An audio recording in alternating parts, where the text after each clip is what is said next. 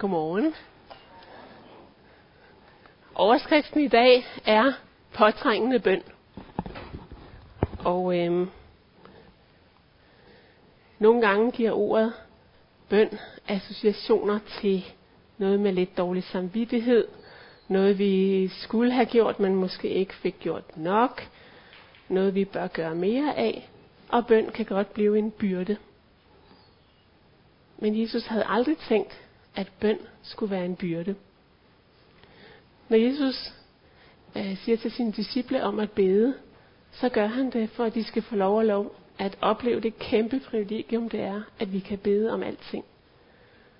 Og mit ønske i dag er, at vi må se mere af bøn som et evangelium, en øh, kæmpe forret, vi har. Jeg har valgt overskriften påtrængende bøn, og det er fordi, jeg taler om det, jeg selv trænger til at høre. Så lad os bede sammen om, at Jesus vil åbne vores hjerter. Herre Jesus, vil du åbne vores hjerter, og vil du lade os se mere af, hvad du ønsker, at vi skal bede om hos dig. Amen. Teksten, vi skal læse, er måske velkendt for nogen, og for andre er den helt ny. Men i bedste Lukas-stil er den meget øh, kortfattet, meget intens og meget mættet. Og jeg kunne godt tænke mig, at du bare vil, mens teksten bliver læst, kig efter, er der en ting, der undrer mig, noget, der er bemærkelsesværdigt. Vi læser fra Lukas 18, og der står, Jesus fortalte dem en lignelse om, at de altid skulle bede og ikke blive trætte.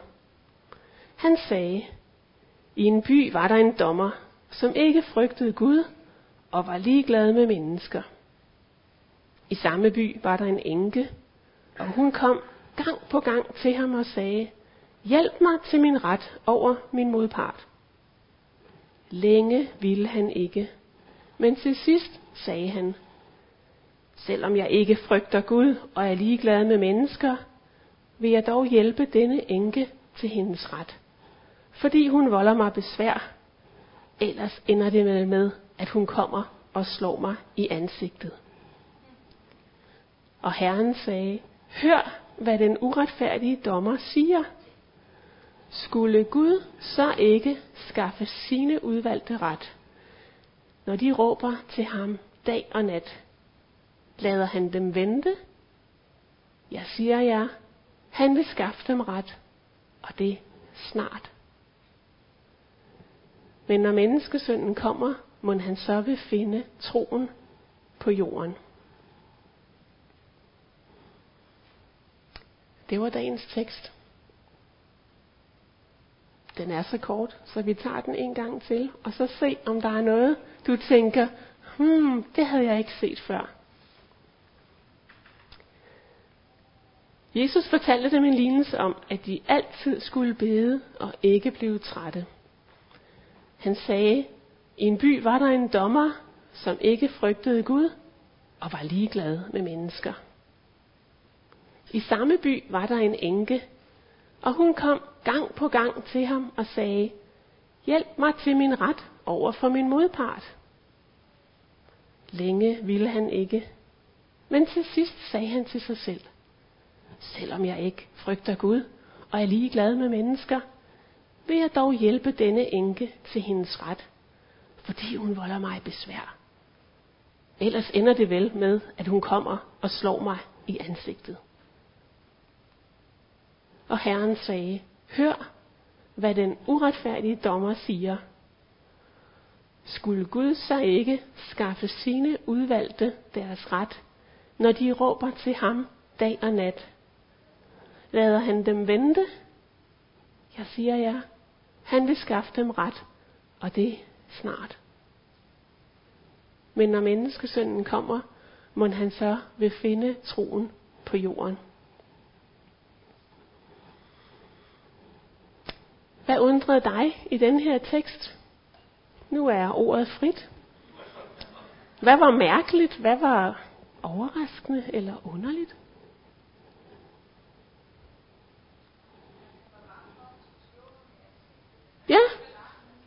Det var da lidt tankevækkende, at det var det, han frygtede. At hun ville komme og slå ham i ansigtet. Ja, det synes jeg godt, man kan undre sig lidt over. Hvad mere er mærkeligt? Ja? At det kan betale sig at være stedigt. Ja, det kan man jo godt lige overveje en ekstra gang. Ja?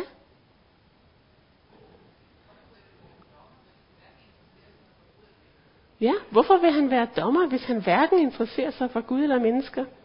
Meget godt spørgsmål. Ja. Der er mange ting i den her tekst. Ja, der var en mere. Ja, hvor kommer troen ind i denne sammenhæng? Rigtig godt. Hvor, hvor hører den sidste sætning hjemme til resten af, af fortællingen? Ja. Rigtig gode observationer. Jeg undrer mig over, at Jesus kommer med konklusionen først. Der stod jo, han fortalte dem en lignelse om, at de altid skulle bede og ikke blive trætte. Så der fik vi lige pointen til start.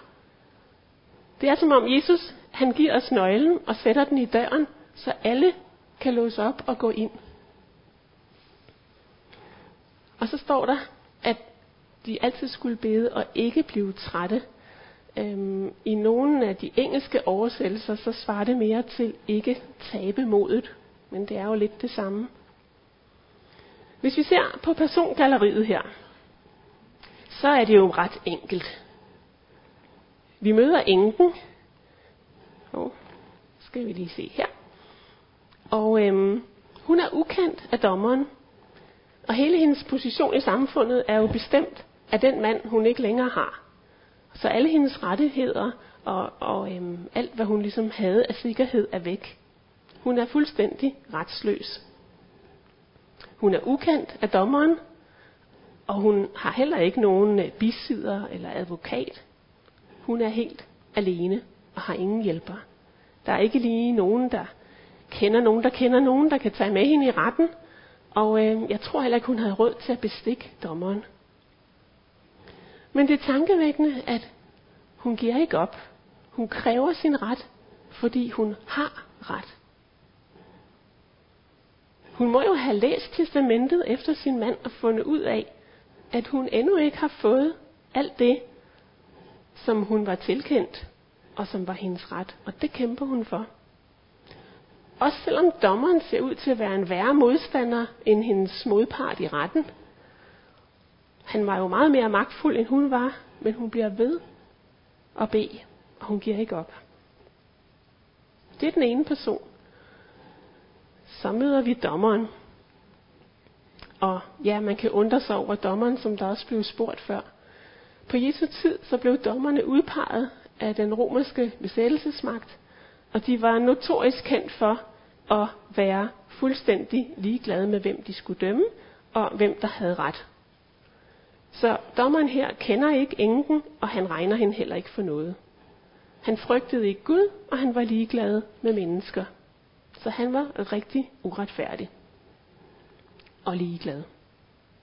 Og det var faktisk ikke kun andre mennesker, der sagde det om ham. Han siger det også om sig selv senere i teksten, at selvom jeg ikke frygter Gud og er ligeglad med mennesker, så det var også hans egen øh, oplevelse af, ja, af sig selv jo ikke det bedste udgangspunkt at være dommer, og meget langt fra at være det, man kunne ønske sig en dommer.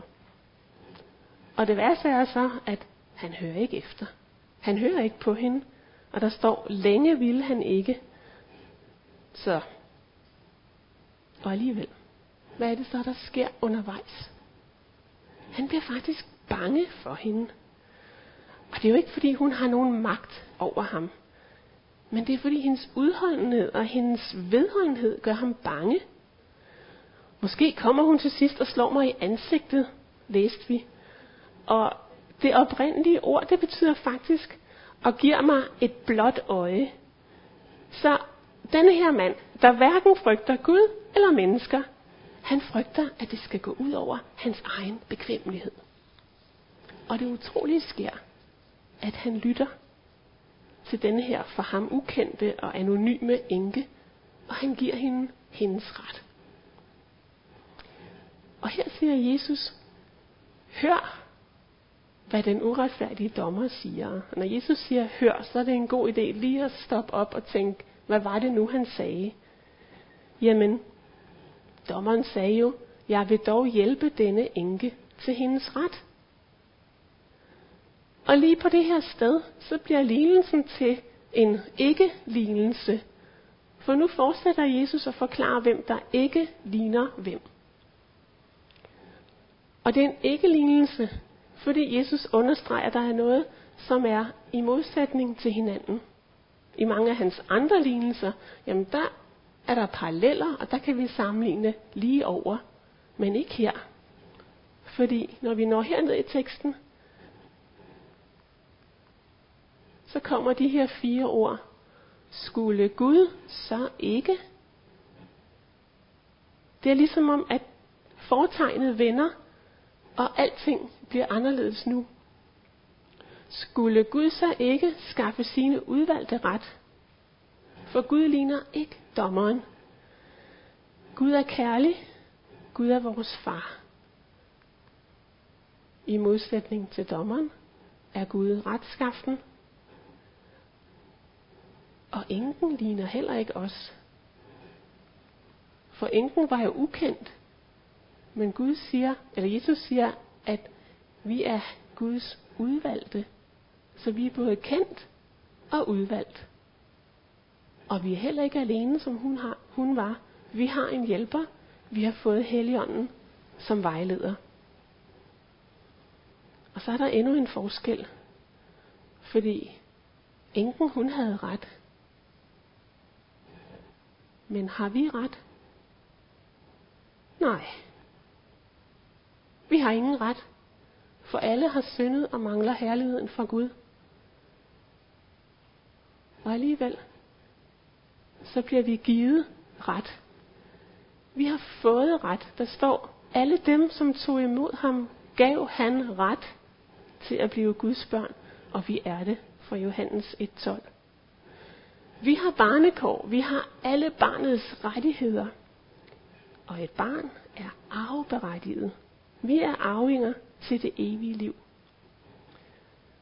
Så når vi beder om noget efter Guds vilje og efter Guds hjerte, så sker der nogle fantastiske ting i den åndelige verden. Når vi beder for menneskers frelse, når vi råber og tryller Gud om at gribe ind, når vi beder for vores familie, for vores eget liv med Gud, så griber han ind. For tilbage til dommeren, så elsker Gud os højt, så højt, at han gik i døden for os. Så stod der om dommeren, at han ikke hørte efter. Men der står, at Gud lytter til vores råb dag og nat. Jeg ved ikke, hvad din bøn er i øjeblikket, om du har prøvet ikke bare at bede, kære Jesus, og slutte med ammen, men at råbe til Gud, når vi virkelig er presset. I mange uger herover foråret og sommeren, så har jeg kun kunnet bede én bøn. Og den bøn var de samme ord som dem, som disciplene bad i den synkende båd i stormværet. Herre, frels os, vi går under.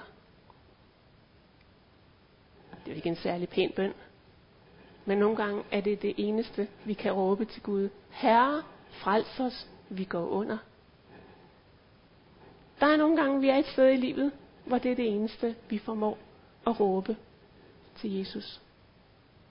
Og så er det godt, at vi ikke kommer til en uretfærdig dommer, men vi kommer til Gud, der lytter dag og nat. Og når Gud lytter, så siger han, sæt dig her hos mig. Jeg ønsker at høre, hvad fylder i dit liv. Jeg ønsker at lytte til dig. Du er mit elskede barn. Og hvad skal vi så bede om? Ja, vi kan jo bede om alt.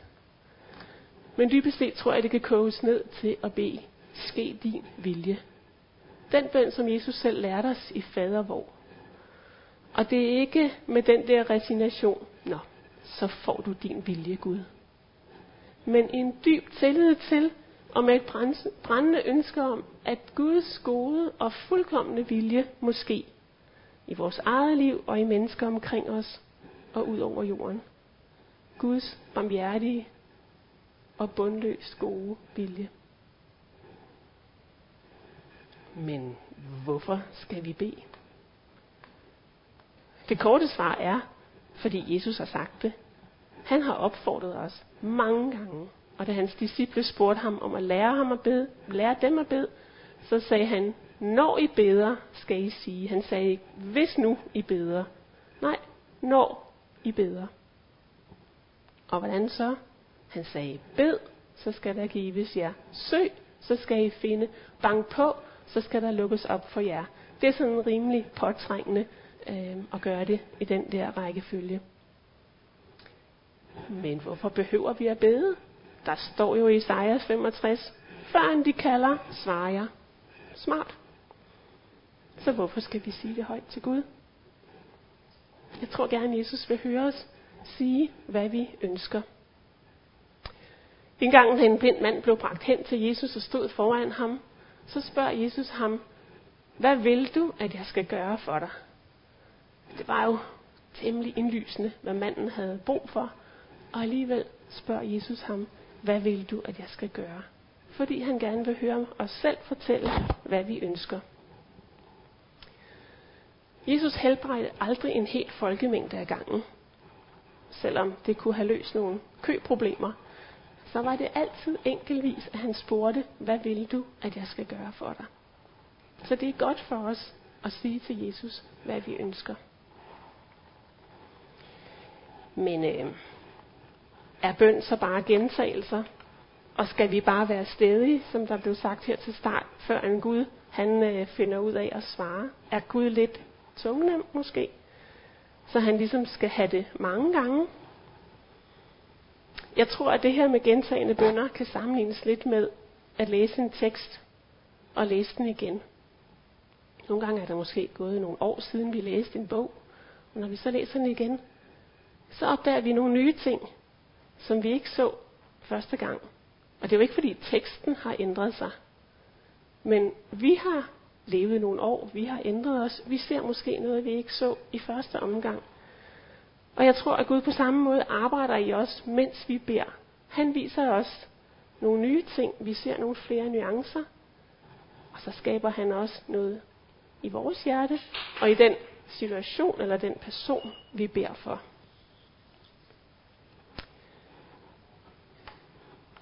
Der er en øh, aftensang, som næsten er 250 år gammel, hvor der står sådan her i det andet vers. Det er fra Simon langsomt hæver. Der står, betragter månens bue. Den kun er halvt at skue, men er dog hel og rund. Så er vel flere sager, som her vort hjerte nager, fordi vi halvt dem skuer kun. Der er mange ting, vi kun ser halvt. Men når vi beder og beder udholdende, så giver Gud os sit klarsyn og arbejder i os, så vi ser mere af, hvad han tænker, og hvordan han virker i den pågældende situation. Men er vi bange for at bede? Hvad nu, hvis jeg får noget, som er dårligt for mig? Hvad hvis jeg nu beder noget forkert? Kan man bede imod Guds vilje? Vi kan have rigtig mange spørgsmål. Og måske en frygt for, at Gud efterfølgende vil sige, ja, men du har selv bedt om det her. Jeg tror ikke, vi skal være bange for at bede forkert. Jakob skriver, kun gode og fuldkommende gaver kommer ned ovenfra.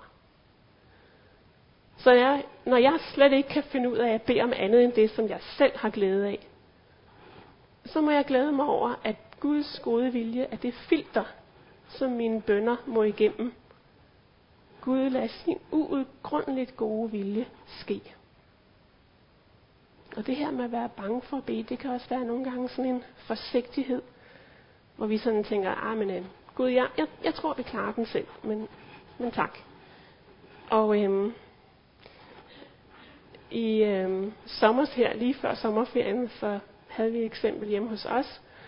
Vi, øh, vi havde mistet to ting hjemme i familien, og jeg skal ikke gå ind på, hvad det var. Men den ene var kritisk, vigtig og uerstattelig, og kunne ikke bare lige fikses. Og den anden var så vores, en af vores husnøgler. Og vi ledte alle steder, og alle ledte, og selv mor ledte, og kunne stadigvæk ikke finde det, så er det ikke så godt. Så vi, vi endte med at lede absurde steder, og til sidst så må vi bare sætte os, og så sammen bede Gud, vil du ikke godt hjælpe os med de her to ting? Fordi at øh, vi har brug for enten at du giver os en idé til, hvor vi skal lede, eller du flytter tingene hen et sted, hvor vi får øje på det. Og øhm, jeg går som den der mærkelige vantro, som var kamufleret i noget beskedenhed. Fordi mens jeg ledte videre, så begyndte der sådan en indre dialog i mit hoved med Gud. Den første ting, den er altså kritisk vigtig, og den har jeg virkelig, virkelig brug for kommer tilbage. Den husnøglen kan vi måske finde ud af med en speciel låsesmed, og man måske kunne lave en kopi, og så kan vi, så kan vi nok ordne det og erstatte den selv. Og så må jeg bare stoppe og sige, ej altså, hvad er det lige, der sker nu? Er jeg i gang med at lave sådan en lille prioriteringsliste til Gud om, hvad jeg synes, han mest skal hjælpe med, og hvad jeg godt sådan tror, vi, vi fikser selv. Og jeg blev egentlig så flov. Og Gud greb ind, og vi fandt begge ting på rimelig mirakuløs vis den samme dag. Og begge dele var i god behold. Det var et kæmpe bøndesvar for os alle derhjemme. Og jeg blev mindet om, at Gud ikke er begrænset. Der er simpelthen ingenting i restordre på hans lager af gode gaver. Han giver rundhåndet, og han giver gavmildt, og han giver gerne. Han ønsker bare, at vi skal bede. Og han lærer sine disciple at sige, giv os i dag vort daglige brød. Det, som vi har behov for i dag, hver dag. Måske er det brød og daglige fornødenheder. Måske er dit daglige brød noget andet. Men han giver os det hver eneste dag og til hvert et behov. Og ikke bare hver eneste dag, men der stod jo både dag og nat. Der står de, som råber til ham dag og nat. Og øhm, hos Gud må man gerne råbe højt og råbe længe. Hvis du beder om et andet menneskes frelse, så bed løs. Det er en bøn efter ikke Guds plan bare, men også efter Guds hjerte. I 1. Samuels bog, så siger Guds tjener Samuel, jeg vil da heller aldrig begå den synd mod Herren, at holde op med at gå i forbøn for jer. Det er jo stærke ord. Og så kan man sidde her og tænke, ja, og hvorfor svarer han så ikke? Lader han dem vente, stod der i teksten. Skal vi lige se her. Lader han dem vente, står der. Ja, det føles sådan nogle gange. Nogle gange siger Gud ja, men nogle gange siger Gud nej. Og nogle gange siger Gud vent. Men alle vores bønder bliver hørt. Sker der så snart noget? Der stod jo, at han vil skaffe dem ret, og det er snart. Hvor lang tid er snart? Det spørger børnene jo nogle gange om, og vi voksne, vi tænker det. Jeg ved ikke, hvor lang tid snart er, men Gud ved det. For nogle gange må vi vente på bønnesvar. Bibelordbogen øh, forklarer, at det her, der er oversat med øh, snart på dansk, det betyder ikke straks, og det betyder heller ikke i løbet af kort tid, men det betyder nærmere noget i retning af uden nogen forsinkelse. Så Gud svarer uden nogen forsinkelse. Vi kender ikke timingen, men vi ved, at Gud hører alle bønder. Hans tid er hævet over vores tid, men han griber ind. Han er en Gud, der lytter, og en Gud, der handler. Isaiah siger, øh, i Isaiah siger Gud, jeg er Herren, jeg vil fremskynde det, når tiden er inde. Og så slutter Jesus med det her åbne spørgsmål. Men når menneskesønnen kommer, må han så vil finde troen på jorden. Og ja, hvor kommer troen ind i denne her fortælling? Den tro, Jesus henviser til her, det er jo i bestemt form, vil han finde troen på jorden. Det er ikke sådan en generel tro på, om Gud er til, eller om der er en højere magt. Men han taler om troen på, at Gud hører bøn, og at Gud svarer os, når vi beder.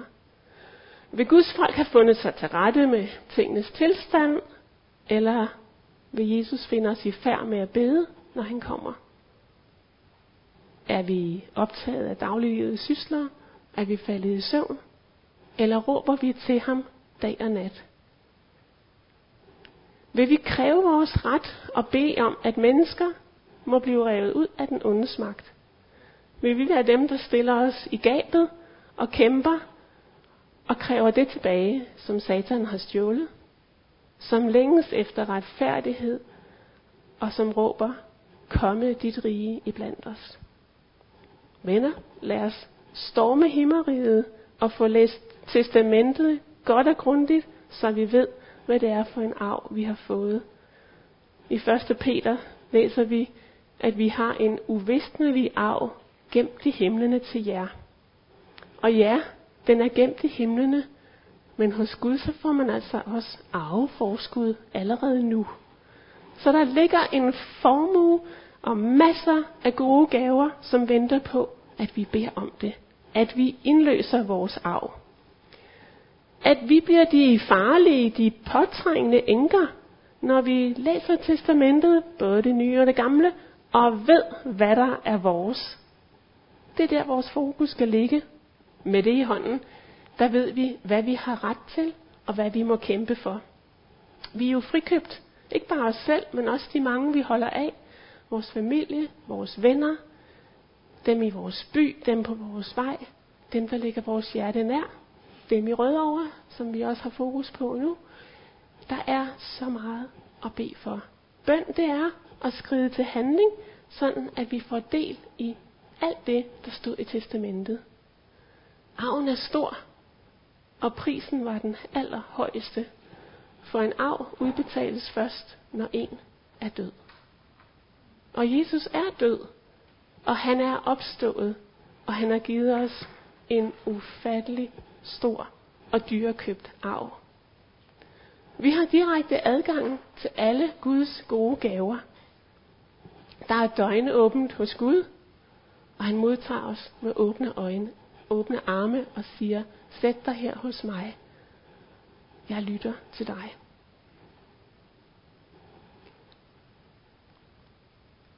De påtrængende enker, de har nærlæst testamentet, de ved, at de har arveret, og de bliver ved med at bede.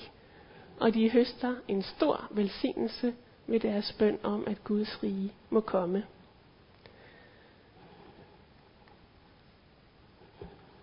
Jesus fortalte det her, for at vi skulle bede og aldrig blive trætte. Jeg tror, at Gud er langt mere villig til at give, end vi er til at bede. Så lad os opmuntre hinanden til at holde ud i bøn. Ikke som en byrde, som en kæmpe evangelium, at Gud har gode gaver, der venter. Amen.